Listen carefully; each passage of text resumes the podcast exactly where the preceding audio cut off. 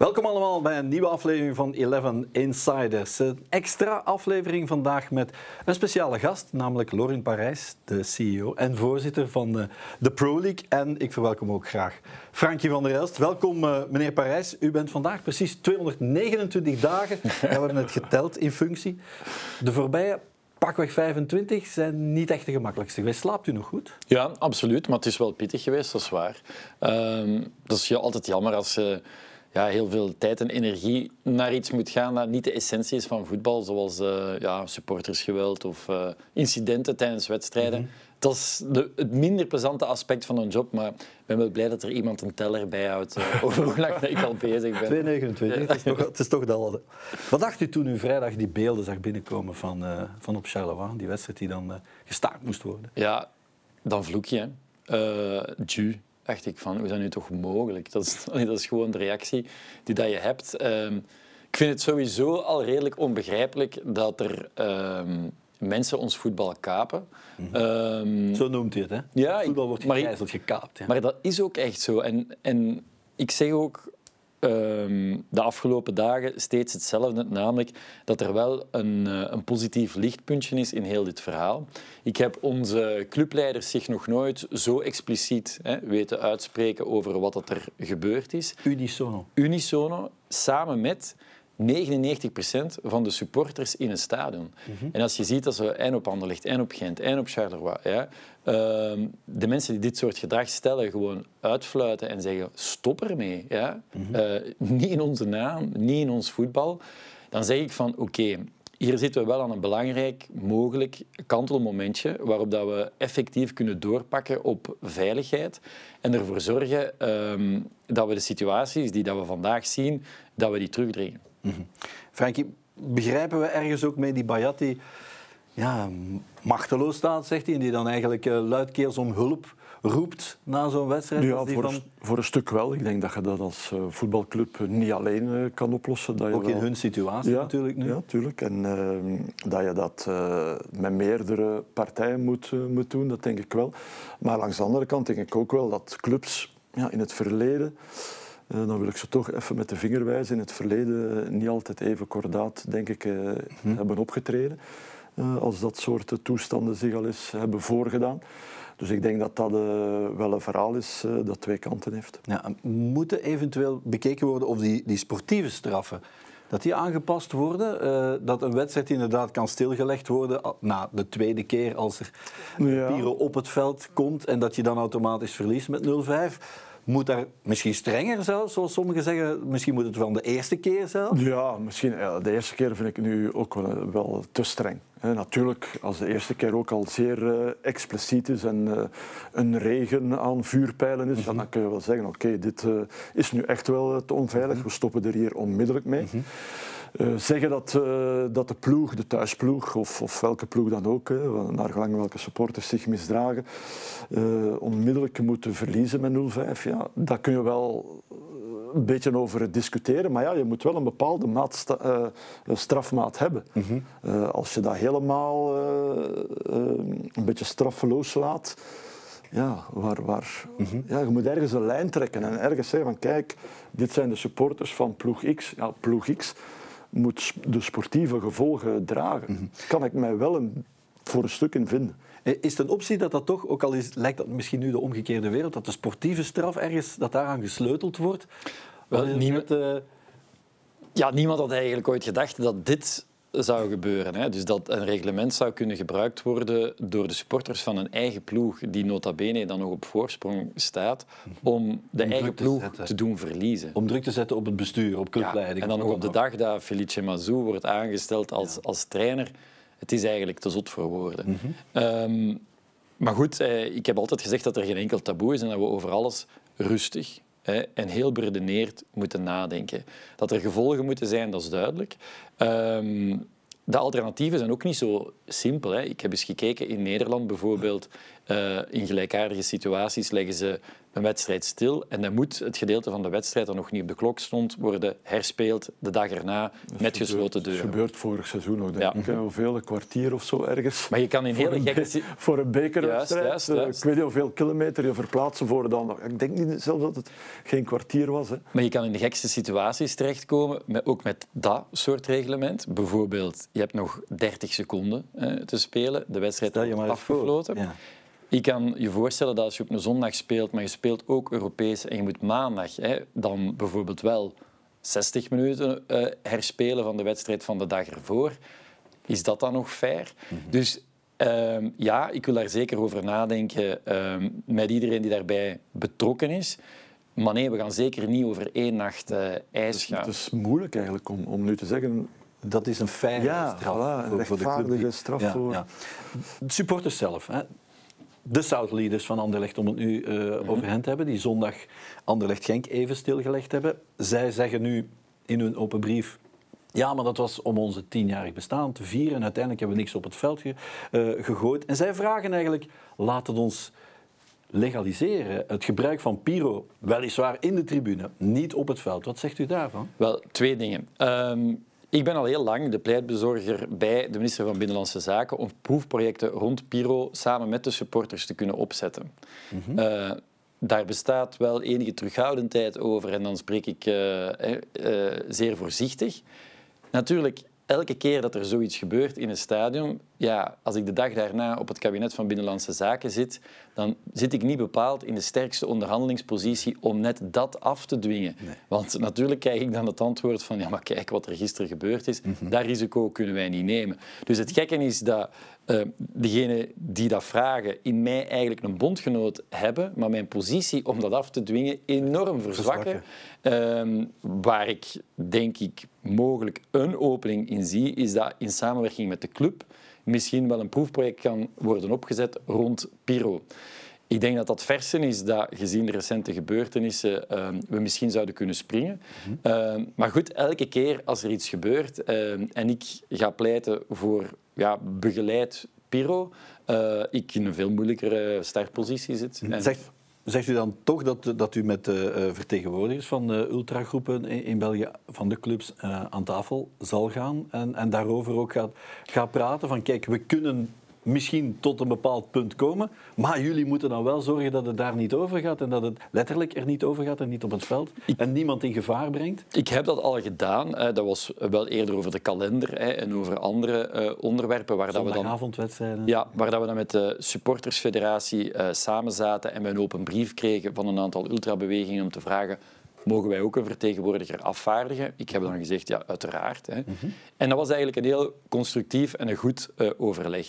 Dus mijn deur staat zeker altijd open, want ja, het voetbal is van iedereen, maar ook alleen maar van iedereen die zich ook effectief aan de regels houdt. En als we dan samen een regel willen veranderen, dan moeten we daar een goede strategie over afspreken, over hoe dat we dat doen. Dus ehm, Maar Piro binnen het kader van sfeer brengen, op zich sluit u niet uit dat dat zou moeten Wel, kunnen. wij moeten toestemming krijgen van Binnenlandse Zaken. Hè. En dan zal, als we al een toestemming krijgen, dan zullen daar zeker twee voorwaarden aan vastzitten. Dat zal één zijn in samenwerking met de club. Hè. En twee zijn, dat zal als een proefproject met een aantal ja, randvoorwaarden. En die moet ik overeenkomen. Maar ik heb dat al ehm, een aantal keren bepleit eh, bij de minister. Eh, die is daar sowieso niet heel erg eh, happig op. Ehm, en ja, goed. En waarom niet? Dat gaat dan louter hoogstwaarschijnlijk veiligheid. Zoals Ja, ja, natuurlijk. Dat En het een dunne Ja, lijn is. ja. het, Voilà. het, is, het is een hele dunne lijn en je kan natuurlijk, eh, en dat is natuurlijk ook waarom wij zo hard optreden ehm, wanneer dat er iemand een vuurpijl afsteekt, eh, je kan echt de fysieke integriteit van iemand anders in gevaar brengen. Hè. En daar, daar gaat het over. Als we dat kunnen afbakenen, dan denk ik wel dat er ruimte is voor een gesprek. Hoe ging het gisteren, dat eh, overleg met de clubs, met eh, de minister ook? Met, eh, Dat was eigenlijk een, een heel constructief overleg, waarin denk ik dat de slotsom was van niemand kan dit alleen aanpakken. En het zal altijd een aanpak zijn waarin je zowel in preventie moet eh, investeren, dus dat betekent in overleg met uw supportersfederaties, ook met de ultras, in overleg met uh, uw SLO's, ehm, met de politiediensten en Binnenlandse Zaken en de voetbalcel en justitie dus, en de KBVB. Dus je ziet, dat wordt meteen een hele grote tafel. Mhm. Ehm, want, en, want het probleem is breed. Hè? Maar het probleem is heel breed, want het is, ik wil dat toch wel even zeggen, wij zijn klaar om onze verantwoordelijkheid te nemen als clubs. Hè. En wij zijn daar ook... Is elke partij... Uh... Absoluut. Wij zijn daar unisono in. Hè. Wij zullen die verantwoordelijkheid nemen. Maar dan zijn er uh, een aantal vragen. Eén, als we die verantwoordelijkheid willen opnemen, dan moeten we ook de bevoegdheid krijgen om ze uit te voeren. Daarmee bedoel ik, dan hebben wij ook een bevoegdheid nodig van onze stewards om een identiteitscontrole te doen bij de mhm. ingang. Dat zal niet noodzakelijk voor alle supporters zijn die een stadion binnengaan, maar dat zullen spotchecks zijn, misschien bepaalde vakken, eh, een aantal criteria die we opmaken voor risicowedstrijden. Mm dat is een bevoegdheid die we heel duidelijk vragen. Wij vragen heel duidelijk dat onze uh, stewards beter zouden kunnen fouilleren hè, dan vandaag het geval is. Uh, je weet dat uh, Piro vandaag de grootte is van een labello-stick. Die gaat in ondergoed, eh, in BH's. Eh, met een oppervlakkige fouille kan je lichaamsopeningen en al onwaarschijnlijk toch? De uitspraak zal mij nog lang blijven achtervolgen, maar het is ook effectief zo. Ehm, en wij vragen ook een aantal andere uh, dingen die wij zouden moeten kunnen doen, zoals bijvoorbeeld mensen identificeren die met een bivakmuts op in een mhm. stadion zitten. Dwang uitoefenen is het voorrecht van de politie en moet dat ook blijven. Wij botsen daar op uh, een begrijpelijke redenering die de politie maakt wanneer zij zeggen ja, als er iets gebeurt in een vak, dan zijn wij terughoudend om op te treden om erger te voorkomen. En wij willen niet een heizeldrama veroorzaken omwille van het feit eh, dat daar een, een, hele groep in een bepaald vak ehm, zich verplaatst of wat dan ook. En dus ehm, daar moeten wij in een, uh, een, een, top met de minister en de politiezones waarin onze clubs een stadium hebben, ehm, tot een soort modus vivendi komen, tot een afspraken kader waarin dat we weten wie wat doet. Want als wij niemand kunnen identificeren die met een bivakmuts een pyro gooit, hoe kunnen we dan ooit sanctioneren? Dat gaat natuurlijk niet. En dus ja, uh, ja, wij willen dus die verantwoordelijkheid nemen. Maar dat komt dan wel met de vraag om ook een aantal bevoegdheden effectief aan ons over te dragen. Twee, wat wil ik daar nog bij zeggen, is wij gaan onze verantwoordelijkheid niet uit de weg, maar dit is een probleem dat groter is dan het voetbal. Mhm. En dat ehm, ook zich niet beperkt tot België. Vaak hoor ik, um, ja, in eh, Engeland hebben ze het wel allemaal onder controle. Hè. Hoeveel keer heb ik dat al niet moeten horen? Dus ik heb dan contact opgenomen met de Premier League. En uh, die hebben mij eigenlijk vierkant uitgelachen. Dat valt nogal... Uh, ja, dus dat... inderdaad. Dus die zeiden van, Lorin, wij vinden het fantastisch dat jullie pers zoveel lovender over ons is dan de onze. Want wij hebben hier een gigaprobleem. Eind vorig seizoen en begin van dit seizoen, zeggen ze, met uh, fan violence en met pyro. Hè, waar wij wel in geslaagd zijn gedurende lange tijd, is om het aantal veldbetredingen drastisch te beperken, omdat daar ook drastische sancties op staan. Wij hebben, hè, want wij hebben een veiligheidsplan uitgerold, aangekondigd op het einde van vorig seizoen. Alles dat de clubs zelf konden doen, hebben we ondertussen ook gedaan. Dus dat betekent dat uh, wij er nu voor gezorgd hebben dat niet langer de clubs zijn die iemand straffen met een stadionverbod, maar een onafhankelijk orgaan bij de KBVB. Dat heet de Nationale Kamer voor Burgerrechtelijke Uitsluitingen. Uh, verschrikkelijk lange uh, naam. Uh, maar die doen goed werk ondertussen. Twee, ook qua opvolging? Er zijn ondertussen sinds begin van dit seizoen 19 stadionverboden uitgesproken door uh, die Kamer al. En uh, heel recent is daar een incident geweest op eh, KV Mechelen met een, een fysieke agressie. Mhm. En daar heeft iemand op minder dan 20 werkdagen tijd, beroepstermijn inclusief, een stadionverbod van zeven jaar opgelegd gekregen. Maar is de opvolging ook uh, goed? Er wordt gezegd van ja, die meldingsplicht, hè, zoals in Engeland is. Is dat iets wat ook mogelijk is bij ons? Uh, moet je daar dan met de lokale politiezones natuurlijk ook weer... Wel, ik heb gisteren met de, politie, met de korpschef van de politiezone Kan druk worden in sommige politiekantoren. ja, dat is waar. Hè. Uh, die, want die heeft zelfs twee stadions in zijn zone, dus Union en uh, Anderlecht in dit geval. En dus ja, uh, infrastructureel zal er toch eens goed over moeten worden nagedacht wanneer dat Union tegen Anderlecht speelt en iedereen met een stadionverbod zich aan het politiekantoor moet komen melden. Maar uh, de filosofie die zij naar voren hebben geschoven, is ook een vraag die wij aan de minister stellen. Mhm. Als je zorgt dat uh, mensen die een stadionverbod hebben zich ook effectief moeten gaan melden bij de politie, wij zorgen er nu voor dat alle tickets op naam worden binnenkort. Mm Dat er een uh, koppeling is tussen ons centraal ticketingsysteem voor onze 26 clubs en de database waarin alle mensen zitten die een stadionverbod hebben. En er zijn drie soorten stadionverboden, in feite vier. Dus niks is simpel uh, in, uh, in dit land.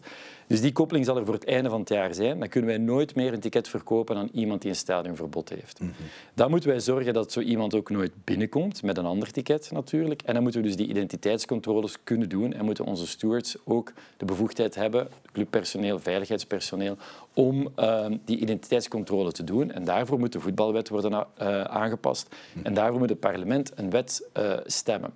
Dus termijn. Ja, dat moet je aan het parlement vragen natuurlijk. Hè. En, uh, en aan de minister. Maar, maar zit in het parlement? Nee, nee, maar zolang dat dan niet gebeurt, blijft het dus. Maar erger nog, Frank. Uh, ja, dus, dus dat... zelfs als we dat doen, hè, dan hebben we nog altijd geen internationaal stadionverbod. Ja. En dan kunnen we nog altijd uh, Nederlandse, Nederlandse, Franse, Duitse hooligans hebben die hier amok komen maken. En dus onze vraag aan de politiek uh, is dus ook van zorg ook voor dat internationaal stadionverbod. Want mm -hmm. straks hebben wij de voordeur dichtgemetseld voor wie dat slechte bedoelingen heeft. En de achterdeur staat wijd open. En dan zitten we weer in deze situatie. Dus ja, het is ingewikkeld, maar ja, we zijn echt uh, overtuigd dat de aanpak die we nu volgen de juiste is, namelijk overleg, preventie. We hebben gisteren op Kazerne Dossin een hele uh, opleiding voorgesteld voor onze veiligheidsverantwoordelijken. Drie dagen over hoe dat je positief kan omgaan met wij zijn voetbal. Blijven investeren. Consequent, snel en streng straffen. Dat doen we nu sinds het begin van dit seizoen. Je kan een stadionverbod krijgen tot 10 jaar voor het gooien van pyro, 25 jaar als het een tweede keer is. Dat is in, de facto is dat levenslang. Mm -hmm. um, dat is er. We gaan die toegangscontrole nu, voor wat dat wij al zelf kunnen, uh, op punt stellen en verstrengen. Mm -hmm. Wij vragen nu dat de politiek en het parlement snel die wet stemt met alle vragen die wij gesteld hebben en uh, die voorliggen. En dat ze werk maken van dat internationaal stadionverbod. En dan zijn we een stap vooruit. Goed, we leven op hoop. Frankie, uh, ja, als volger, liefhebber van het voetbal, ex-voetballer, ik ben ook een volger en een liefhebber, mogen wij ons de vraag stellen hoe dat komt dat puur sportief gezien staan naar Anderlecht ligt intussen 23 dagen achter ons, dat we daar eigenlijk behalve de uh, beloofde boete van, uh, van meneer Parijs, dat er eigenlijk nog geen uitspraak is, dat zelfs de drie punten nog niet uh, officieel nee, zijn is, toegekend. Dat zou allemaal, denk ik, veel sneller kunnen en sneller moeten eigenlijk. Hè, want ik denk dat dat vorig jaar ook nog wel eens is gebeurd rond, rond, een bepaalde wedstrijd.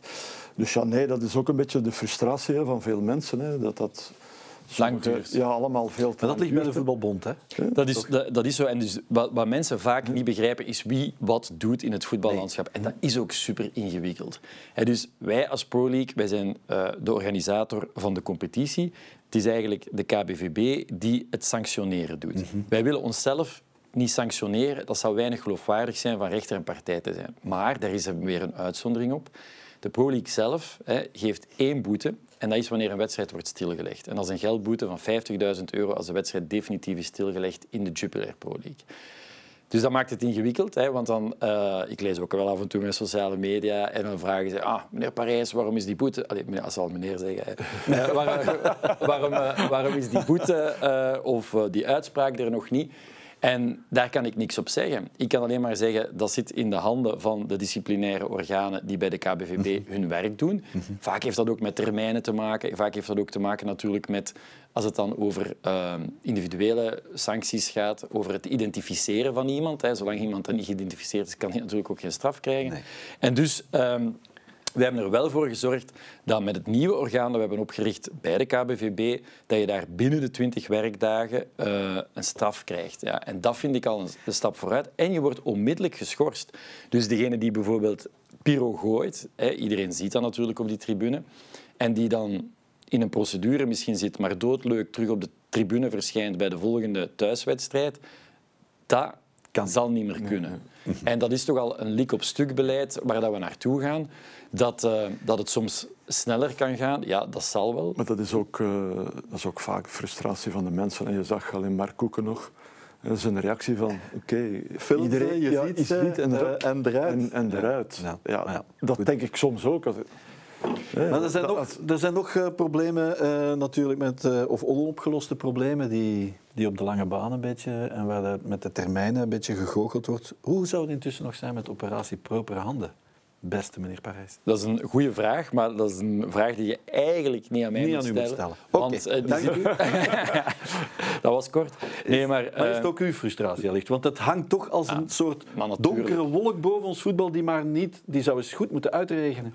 Ik zou dat inderdaad, u zegt dat heel uh, mooi en plastisch. Ik zou dat liever achter ons hebben, want het sleept heel lang aan. Um, dat vind ik heel jammer, hè, want er zijn een aantal praktijken gebeurd in het verleden die absoluut niet door de beugel kunnen, punt. Hè. En daar moet dan ook maar het correcte gevolg aan worden gegeven door uh, justitie, ook punt. Geen ifs, geen buts, geen maar. Dat is gewoon zo. Maar wat onze vraag is, mag er alsjeblieft wat snelheid in, omdat um, we willen dat achter ons hebben en met een schone lei beginnen, maar we willen natuurlijk ook um, zeggen dat het ergens ook wel een geschenk is geweest. Hè. Dus dat het zo lang duurt. stal eindelijk is, ja, tenminste. Dat het zo lang duurt, dat vind ik geen geschenk. Maar het feit dat het gebeurd is, is misschien op zich niet zo slecht geweest. Omdat we hebben een nieuw makelaarsreglement op basis daarvan Mhm. gemaakt. We hebben Clearinghouse uh, opgericht, wat de transacties toch veel transparanter maakt. En um, we hebben ervoor gezorgd um, dat onze clubs nu eigenlijk uh, onderworpen zijn als enige sportsector in de hele wereld aan anti-witwaswetgeving, waardoor wij bijzonder streng zijn geworden op het financiële reilen en zeilen bij onze clubs. En dat is absoluut geen slechte zaak. Over dat financiële gaan we het uh, ook uh, nog even hebben. Maar we zullen het even wat positiever draaien. Dat mag. Even, ja, dat mag. Drinken zou ik zeggen. Goed. Uh, de Belgische clubs die het op zich goed doen in Europa, Frankie. Ja. Met z'n vieren overwinteren. Wat denk jij nu? Is dat een beetje een lucky shot? Of maar zit daar een trend in dat, dat het is, toch weer... Uh... Dat is de vraag. Ik denk dat uh, de toekomst dat zal uitwijzen. We hebben nogal eens een uitschieter gehad, een aantal jaren geleden. En, dat, en nadien eigenlijk gewoon, Ge slecht geen continuïteit, ja. gewoon slecht gepresteerd in Europa. Dus ja, ik, ik, las ook heel, mm. jouw reactie van oké, okay, dit is het werk van... Het is geen toeval. Geen toeval, ja. Ik weet niet, op dat moet toch nog blijken of dat dat uh, inderdaad ook geen, geen, maar geen ik ben van de school, ik ben van de school, Frankie, die zegt dat, dat je toeval moet afdwingen. Hè? Mm -hmm. En um, of het nu een lucky shot is, zoals jij zegt, of iets... Nee, nee ik zeg niet dat het sowieso een lucky ja. shot is, maar...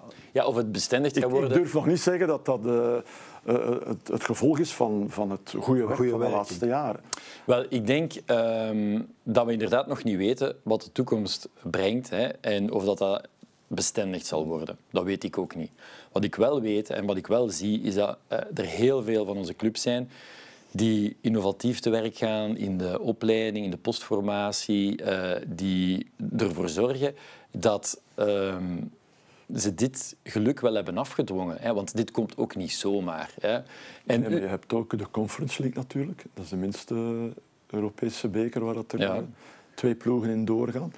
Uh, en ik denk ook, ja, ten opzichte van de co concurrentie blijven de Belgische ploegen toch altijd ja, in een mindere positie zitten. Jonge talenten uh, vertrekken snel, waardoor ja, om op een bepaald niveau blijven toch sowieso altijd moeilijk, of nog verbeteren, altijd moeilijk blijft voor uh, Wel, die, Belgische clubs. Waar ik je wel gelijk geef, is we zijn in een heel korte tijd van uh, plaats 13 naar plaats 8 uh, gegaan op uh, die UEFA-ranking, die heel belangrijk is voor de, eh, welk soort Europese tickets dat uw competitie ja, We zijn krijgt. natuurlijk even snel in die andere richting gegaan, x aantal jaar Ja, maar dat, is, dat, dat, klopt. En daar gaan we trouwens volgend seizoen de prijs voor betalen, hè, in, in de kalender. Dus we zullen meer voorrondes moeten spelen. Maar Um, de kloof met nummer 7 is heel groot. Ja, en um, dus wij zijn nu naar 8 uh, geëvolueerd. Het moet onze ambitie zijn om uh, dichter bij 7 te gaan aanschurken. En maar dat tenminste bestendigen. Waar juist, ja, bestendigen en dan hopelijk aanschurken.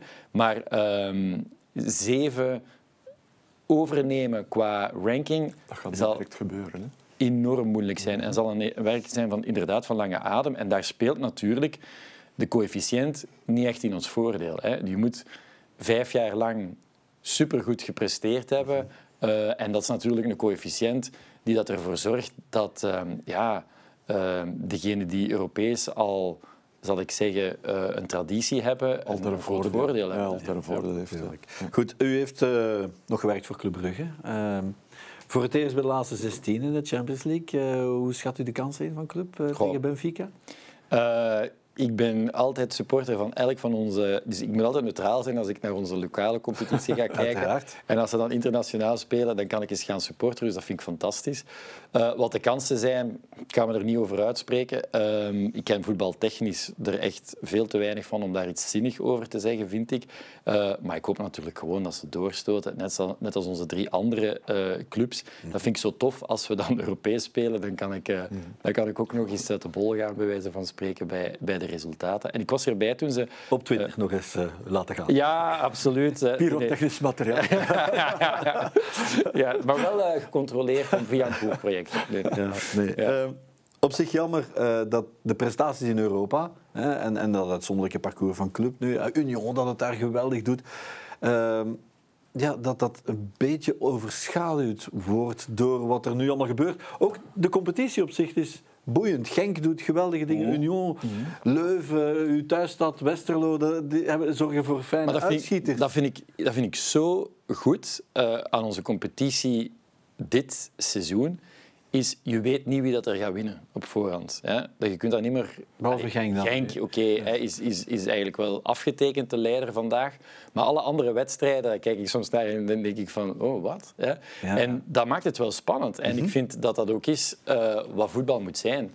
En eh, een goede competitie die zorgt ervoor dat je veel clubs hebben die naar boven nivelleren qua niveau. En ik hoop gewoon dat we dat hier aan het zien zijn en dat we dat dus ook in de, in de volgende seizoenen zullen kunnen zien. Zie jij dat, Frankie? Eh, een, een, dat het niveau een Ja, stukje gemiddeld een beetje naar, naar helemaal boven, meer boven is, ja. concurrentie?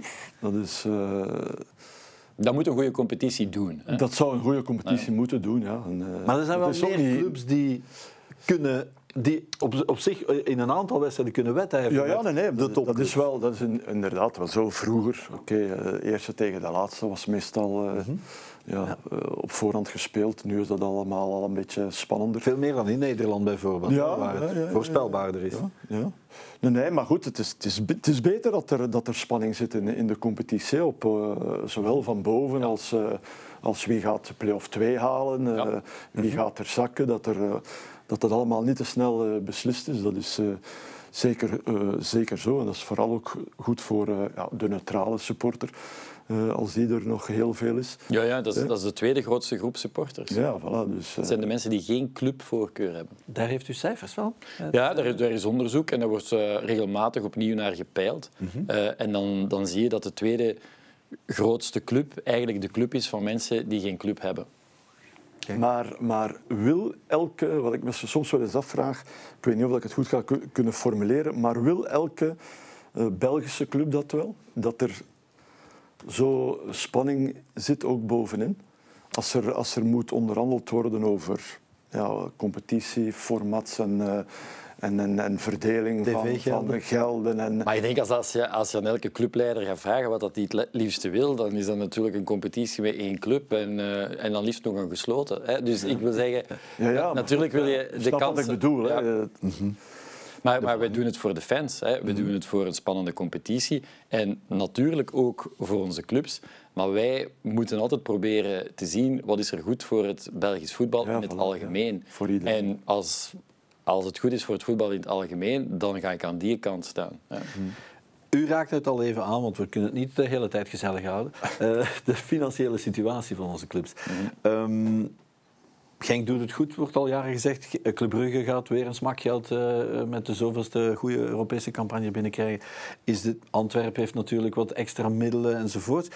Is het gevaar niet daar dat het verschil toch tussen de top die het goed doet en die het breed heeft en de rest alleen maar groter wordt? Want het merendeel van de clubs ja, die zitten nog altijd met een redelijk rode boekhouding, toch? Wel, eh, onze clubs zitten over het algemeen genomen in slechte papieren, hè, financieel. Daar moeten we ook geen doekjes over winden. Dat is, over, eh, winden sorry, dat is gewoon de realiteit.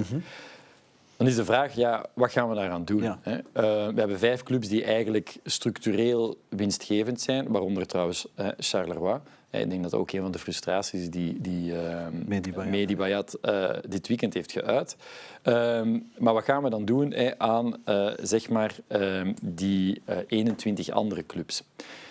Wij hebben nu een nieuwe licentieregel gemaakt die ervoor zorgt dat ehm, clubs binnen vijf jaar naar een positief eigen vermogen moeten gaan. Hè. Dus dat wil zeggen dat zij elk jaar 20% beter moeten doen dan vandaag als zij vandaag vertrekken met een negatief eigen vermogen. Als zij een negatief eigen vermogen hebben, moeten ze ook eh, vanaf eh, het einde van dit seizoen ons een businessplan bezorgen waarin ze uitleggen hoe eh, ze gaan evolueren naar dat positief eigen vermogen. Er zijn geen achterpoortjes meer, geen uitstelprocedures en dat soort dingen allemaal. Want Eén- corona heeft wat dat betreft een beetje Dat is waar. een vertraging daarop Ja. eh, gebracht. Maar Nee, we, nee het- het is eigenlijk het is, we zijn ontzettend streng. Net zoals we streng zijn voor hè, mensen die over de schreef gaan, die moeten eruit. Als het gaat over clubs die zich niet houden aan de nieuwe financiële spelregels, dan kunnen zij cumulatief en in het ergste geval een sportieve achterstand qua punten oplopen van negen punten. ja, dat is wel enorm. Hè? Dus wij wouden daar ook geen financiële sanctie op zetten, want ja... Als je al verlies hebt, doet er nog Ja. wat bij. Nee. Dat is niet bepaald eh, een incentive om, om beter te doen. Dus al onze clubs zijn akkoord met deze nieuwe regel, die heel erg verregaand is. De tweede nieuwe regel die dat we invoeren, ehm, vanaf volgend seizoen begint die ook, is dat we evolueren naar een 70% squat-spend ratio. Hè, dat is ja, een dat moeilijk ging volgende vraag zijn. Voilà. Want de, de loonlast gemiddeld, dat bij de topclubs om, om betere spelers aan te trekken, dat die wat stijgt, oké. maar die is zelfs bij clubs die het niet zo breed hebben eh, gestegen. Dat, dat is geen goed signaal. Ja, dat zie je natuurlijk nu ook, nu dat we drie zakkers hebben. Ja, Hè. de Eh, druk is ja, groot groot. en ze willen vermijden dat het helemaal... Want Wel, je hebt drie zakkers, waar de, de, drie potentiële zakkers, dus meer clubs eh, dan die drie natuurlijk, die zich potentieel in die gevarenzone bevinden, eh, die waarschijnlijk eh, geïncentiveerd worden om wat meer eh, uit te geven. risico's nemen dus? Ja, ja, en je hebt natuurlijk ook maar één stijger uit ehm, de, de Challenger Pro League. Ja, waardoor dat daar ook waarschijnlijk meer wordt uitgegeven dit seizoen. Omdat ze zeggen, ja, maar wij moeten die in ene zijn. Want heel ons businessplan is gebouwd op het feit dat we naar eh, de Jupiler eh, Pro League gaan. Dus dat zijn wel fenomenen dat je ziet. Dus wat hebben wij nu beslist? Vanaf volgend seizoen evolueren we ook over een termijn van vijf jaar met dus eh, elk jaar 20% verbetering, naar een 70% squat spend ratio. Dat is een moeilijk woord om te zeggen dat je maar 70% van je inkomsten mag uitgeven aan je sportieve kern en staf. Ehm, vandaag zien wij cijfers tot 140 procent. En wij zeggen dus nu gewoon heel erg duidelijk, hè, je moet zaaien naar de zak. Als je echt geld in je club steekt, dan kan je daar een uitzondering op krijgen. Dus een kapitaalsverhoging, dat is echt geld. Hè. Als de investeerder zegt, ik pas bij, dan kan dat nog. Ja. Dus dat is de enige uitzondering. Dat is ook de uitzondering trouwens die, die volgens UEFA eh, nog mogelijk is. Ehm, dus dat volgen we nu voor al onze clubs. in Die de 70 competitie. is dat zo'n beetje naar norm zoals het in andere landen eh, gebeurt? In, Wel- in Spanje zijn ze er streng op bijvoorbeeld. Ja, dat is inderdaad. Want het is, het is een norm die UEFA begint te vragen of naartoe wilt evolueren voor clubs die Europees spelen. En wij zeggen gewoon, we trekken het gewoon door voor iedereen. Hè. En zaaien naar de zak is geen slecht principe. Eh, je kan maar eh, uitgeven wat je binnenkrijgt. En dat is gewoon de logica zelf. En dus op termijn zullen die twee beslissingen, die heel erg moeilijk zijn voor onze clubs, hè, ehm, zullen die twee beslissingen ertoe leiden dat we effectief naar een gezonder financieel beheer gaan. En dan is er nog een derde beslissing, dat is misschien de minst sexy en daar wordt ook het minst over gepraat hè, in eh, de pers. Maar vanaf februari, eh, of in februari, start de Pro League University. Dat is een samenwerking met de Universiteit van Antwerpen. En je zal als club drie eh, mensen van je management moeten afvaardigen als je een Jupiler Pro League club bent en twee als je een Challenger Pro League club bent, eh, die een certificaat hebben dat ze die cursus hebben gevolgd. En je moet eh 95 of 90 procent aanwezig zijn. Hè. Je moet dan, denk ik, trouwens ook nog een groepswerk maken. En dat zijn eh, vijf keren een module van twee dagen, zeer volle dagen, waarin wij proffen, maar van letterlijk over heel de wereld hebben uitgenodigd. En die hebben allemaal toegezegd om te komen praten over hoe manage ik een club financieel, hoe optimaliseer ik mijn stadiuminkomsten, hoe ziet de nieuwe markt eruit ehm, van eh, spelers, ehm, welke sociale projecten ehm, bestaan er in de wereld en kunnen toegepast worden hier in België. Ehm, gaat uh, over uh, financiën, tax, spelers en fanbeleving. Um, ja, een heel breed scala. En ik ben er eigenlijk heel fier op. En het is eigenlijk een ongelooflijk... Ja, maar dat is ook, dat is ook zo. Allee, het is eigenlijk een ongelooflijk interessant programma. Ik kan zelf niet, niet wachten om het te volgen. ik ga ook meedoen. Um, en dat zal op langere termijn volgens mij nog meer bijdragen aan het gezond maken van het management van onze clubs dan, uh, dan al die andere maatregelen waar veel meer over wordt gesproken. Ben je blij dit uh, allemaal te horen? Ja, ik ben er zeer blij. Maar uh, je had het net over stadionexploitatie. dat is ook wel een probleem hier ja. in België natuurlijk. Dat, dat eigenlijk, ik ga niet zeggen niemand, maar heel weinig ploegen een, uh, modern stadion. Een, ja, modern stadion hebben. Hè. Dat zou ook passen binnen uh, Wel, kans het veiligheids... Maar ja, ze hebben al geen geld, Frankie. Nee, nee maar, ja, maar binnen de veiligheidsproblematiek zou dat ook wel helpen. Moesten er meer uh, maar, moderne stadions zijn. Frankie, wij moeten een globaal plan maken om mee naar de politiek te gaan. Dat zal waarschijnlijk iets zijn voor de volgende verkiezingen. En daar zal infrastructuur een heel belangrijk onderdeel van uitmaken. Want wat zie je nu? Je ziet gewoon dat elke eh, minister apart wat maatregelen verzint die dan een hele grote impact hebben op, op voetbal. Maar niemand coördineert die, mhm. niemand legt die naast elkaar en niemand bekijkt het globale plaatje. En dus wij moeten die taak zelf op onze schouders nemen en zeggen van kijk, dit moet er allemaal veranderen om naar een gezonde voetbalsector te gaan uh, in België. En daarvoor, dat is jammer, maar gewoon de realiteit, zullen we weer ontzettend veel partijen nodig hebben. Um, van het federale tot de regionale niveaus die bevoegd zijn voor omgevingsvergunningen en dus uh, infrastructuur, uh, fiscaliteit, veiligheid, uh, een aantal andere aspecten. Daar heb je allemaal andere ministers, andere partijen, andere beleidsniveaus voor nodig.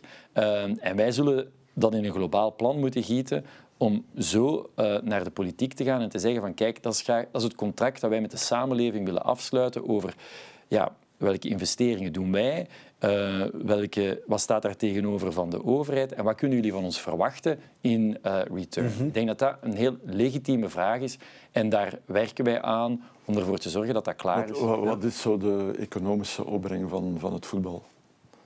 Wij hebben, is daar een, ja, wij hebben, ja, dat is, dat, dat, is niet moeilijk. Hè. Dus wij hebben ongeveer een miljard euro qua opbrengsten zeg maar, die, die wij genereren. Wij hebben duizenden mensen die wij te werk stellen.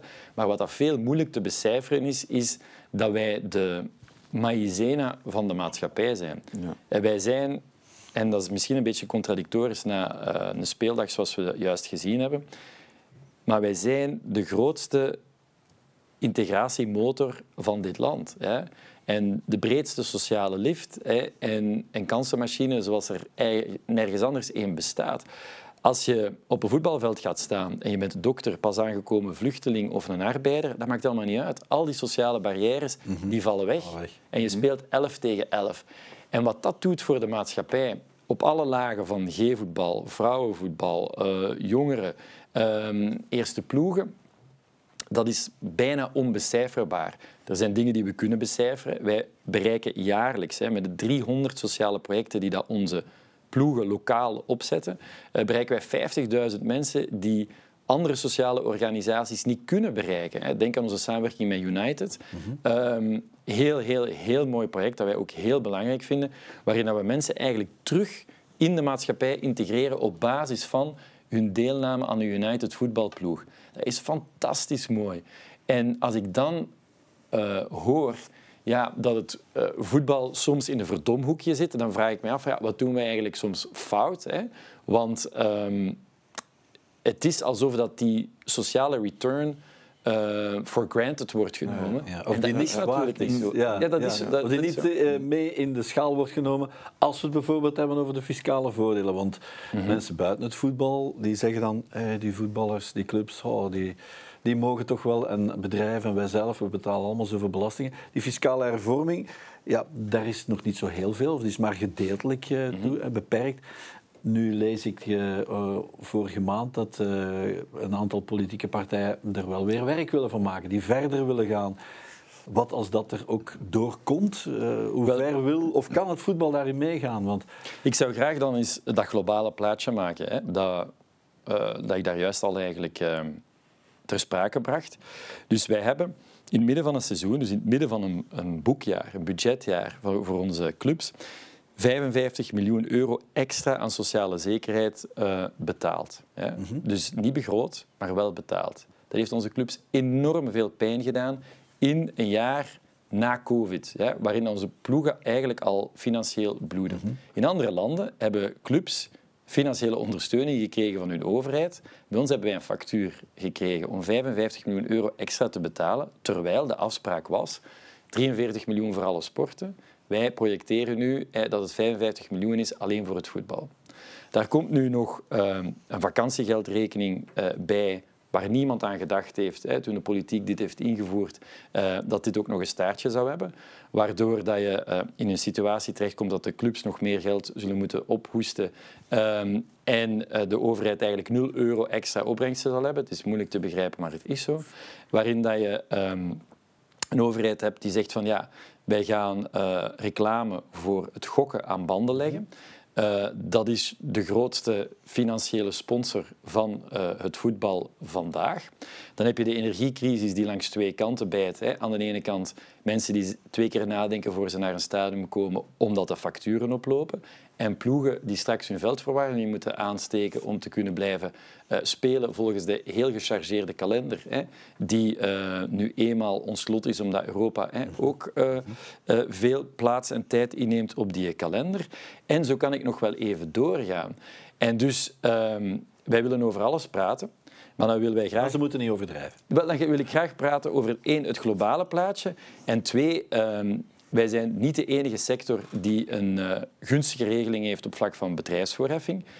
Maar goed, ehm, als je dan over onze sociale return uh, praat, dan wil ik ook graag over de sociale return praten van uh, de koopvaardij en de sleepvaart. En die hebben ook allemaal een bedrijfsvoorheffingsregeling waar ik nooit iemand over hoor praten. Mm -hmm. En dan denk ik dat we dat allemaal samen moeten leggen. en eens naar het globale beeld kijken en dan uh, nadenken over wat er verstandig is om te doen en niet te doen. Dus uh, wat dat mij betreft, elke discussie die ben ik altijd graag bereid om, uh, om aan te gaan. Maar wat ik ehm, niet juist vind, is om er één aspectje uit te lichten en daar dan eh, gewoon op te focussen. Dus ik denk, een globaal plan, ja, graag. ja, ad hoc maatregelen, nee, wat ons betreft. Met alles wat u nu meemaakt, is het een voordeel dat u uit de politiek komt? Ja uh, en nee, denk ik. Uh, dus ik denk het voordeel vanuit de politiek te komen is uh, dat je wel begrijpt hoe dat er geredeneerd wordt aan de andere kant van een onderhandelingstafel. Ik zei nee, maar eigenlijk zie ik er niet echt een, een, een heel groot nadeel in. Ehm, ik denk dat het goed is als je rond een tafel zit dat je mekaars redeneringen goed begrijpt. Ja. En uh, ik hoop alleen maar dat we aan de andere kant van de tafel ook mensen uh, tegenkomen die ook de moeite doen hè, om het globale plaatje te bekijken. Ja. Uh, want dat is wel belangrijk. Maak eens een balans op van, van die ruim zeven maanden intussen. wat, is, of wat zijn uw, uw grootste, uw belangrijkste realisaties?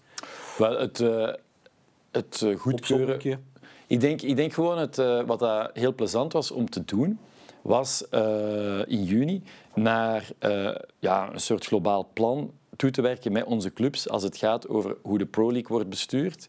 Uh, welke nieuwe regels we onze clubs opleggen. Ik heb er daar juist al een paar uh, uitgelicht.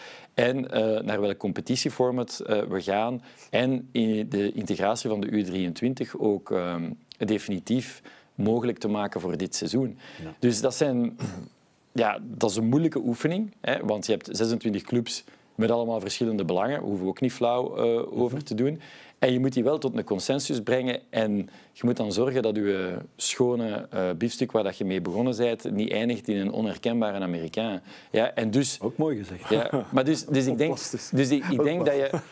Allee, dat als je kijkt naar hoe dat je clubs kan samenbrengen en toch tot een mooi resultaat uh, kunt komen, mm-hmm. dat vind ik ongelooflijk veel voldoening geven. En ik hoop dus ook gewoon dat onze fans op termijn gaan zien dat de beslissingen die we nu genomen hebben, uh, ja, ook voor hun uh, op lange termijn gaan opleveren. En dat, dat drijft mij en dat vind, ik, dat vind ik plezant om te doen. Een grootste frustratie of teleurstelling tot nu? Well, daar moet ik niet lang over nadenken. Daar hebben we het in het begin van de uitzending al over gehad. Wat Uh, ja, Ja. absoluut. Uh, ik vind dat echt uh, onbegrijpelijk. Want je hebt hier mensen die zeggen dat ze van voetbal houden en iets doen dat de sport kapot maakt. Uh, daar kan ik met mijn hoofd niet bij. Nee. Bent u tevreden over de hervorming die, die intussen binnen de Pro League uh, zijn doorgevoerd? Uh, nieuwe samenstelling van de Raad van Bestuur, twee onafhankelijke mensen daarbij. Alleen, u heeft nog geen... U bent het zelf nog uh, op dit moment waarnemend of uitvoerend als voorzitter. Hoe kijkt u daarnaar? Wel, ik vind het een hele goede zaak dat de clubs weer al eens een heel moedige beslissing hebben genomen. Hè? Want dat wordt misschien toch een beetje onderbelicht. Uh, wij zijn aan de raad van bestuur gegaan, waarin er vier vertegenwoordigers van de club zitten. Eén van de Challenger Pro League, één van zeg maar, de medium-size clubs en twee van de grote clubs. Hè.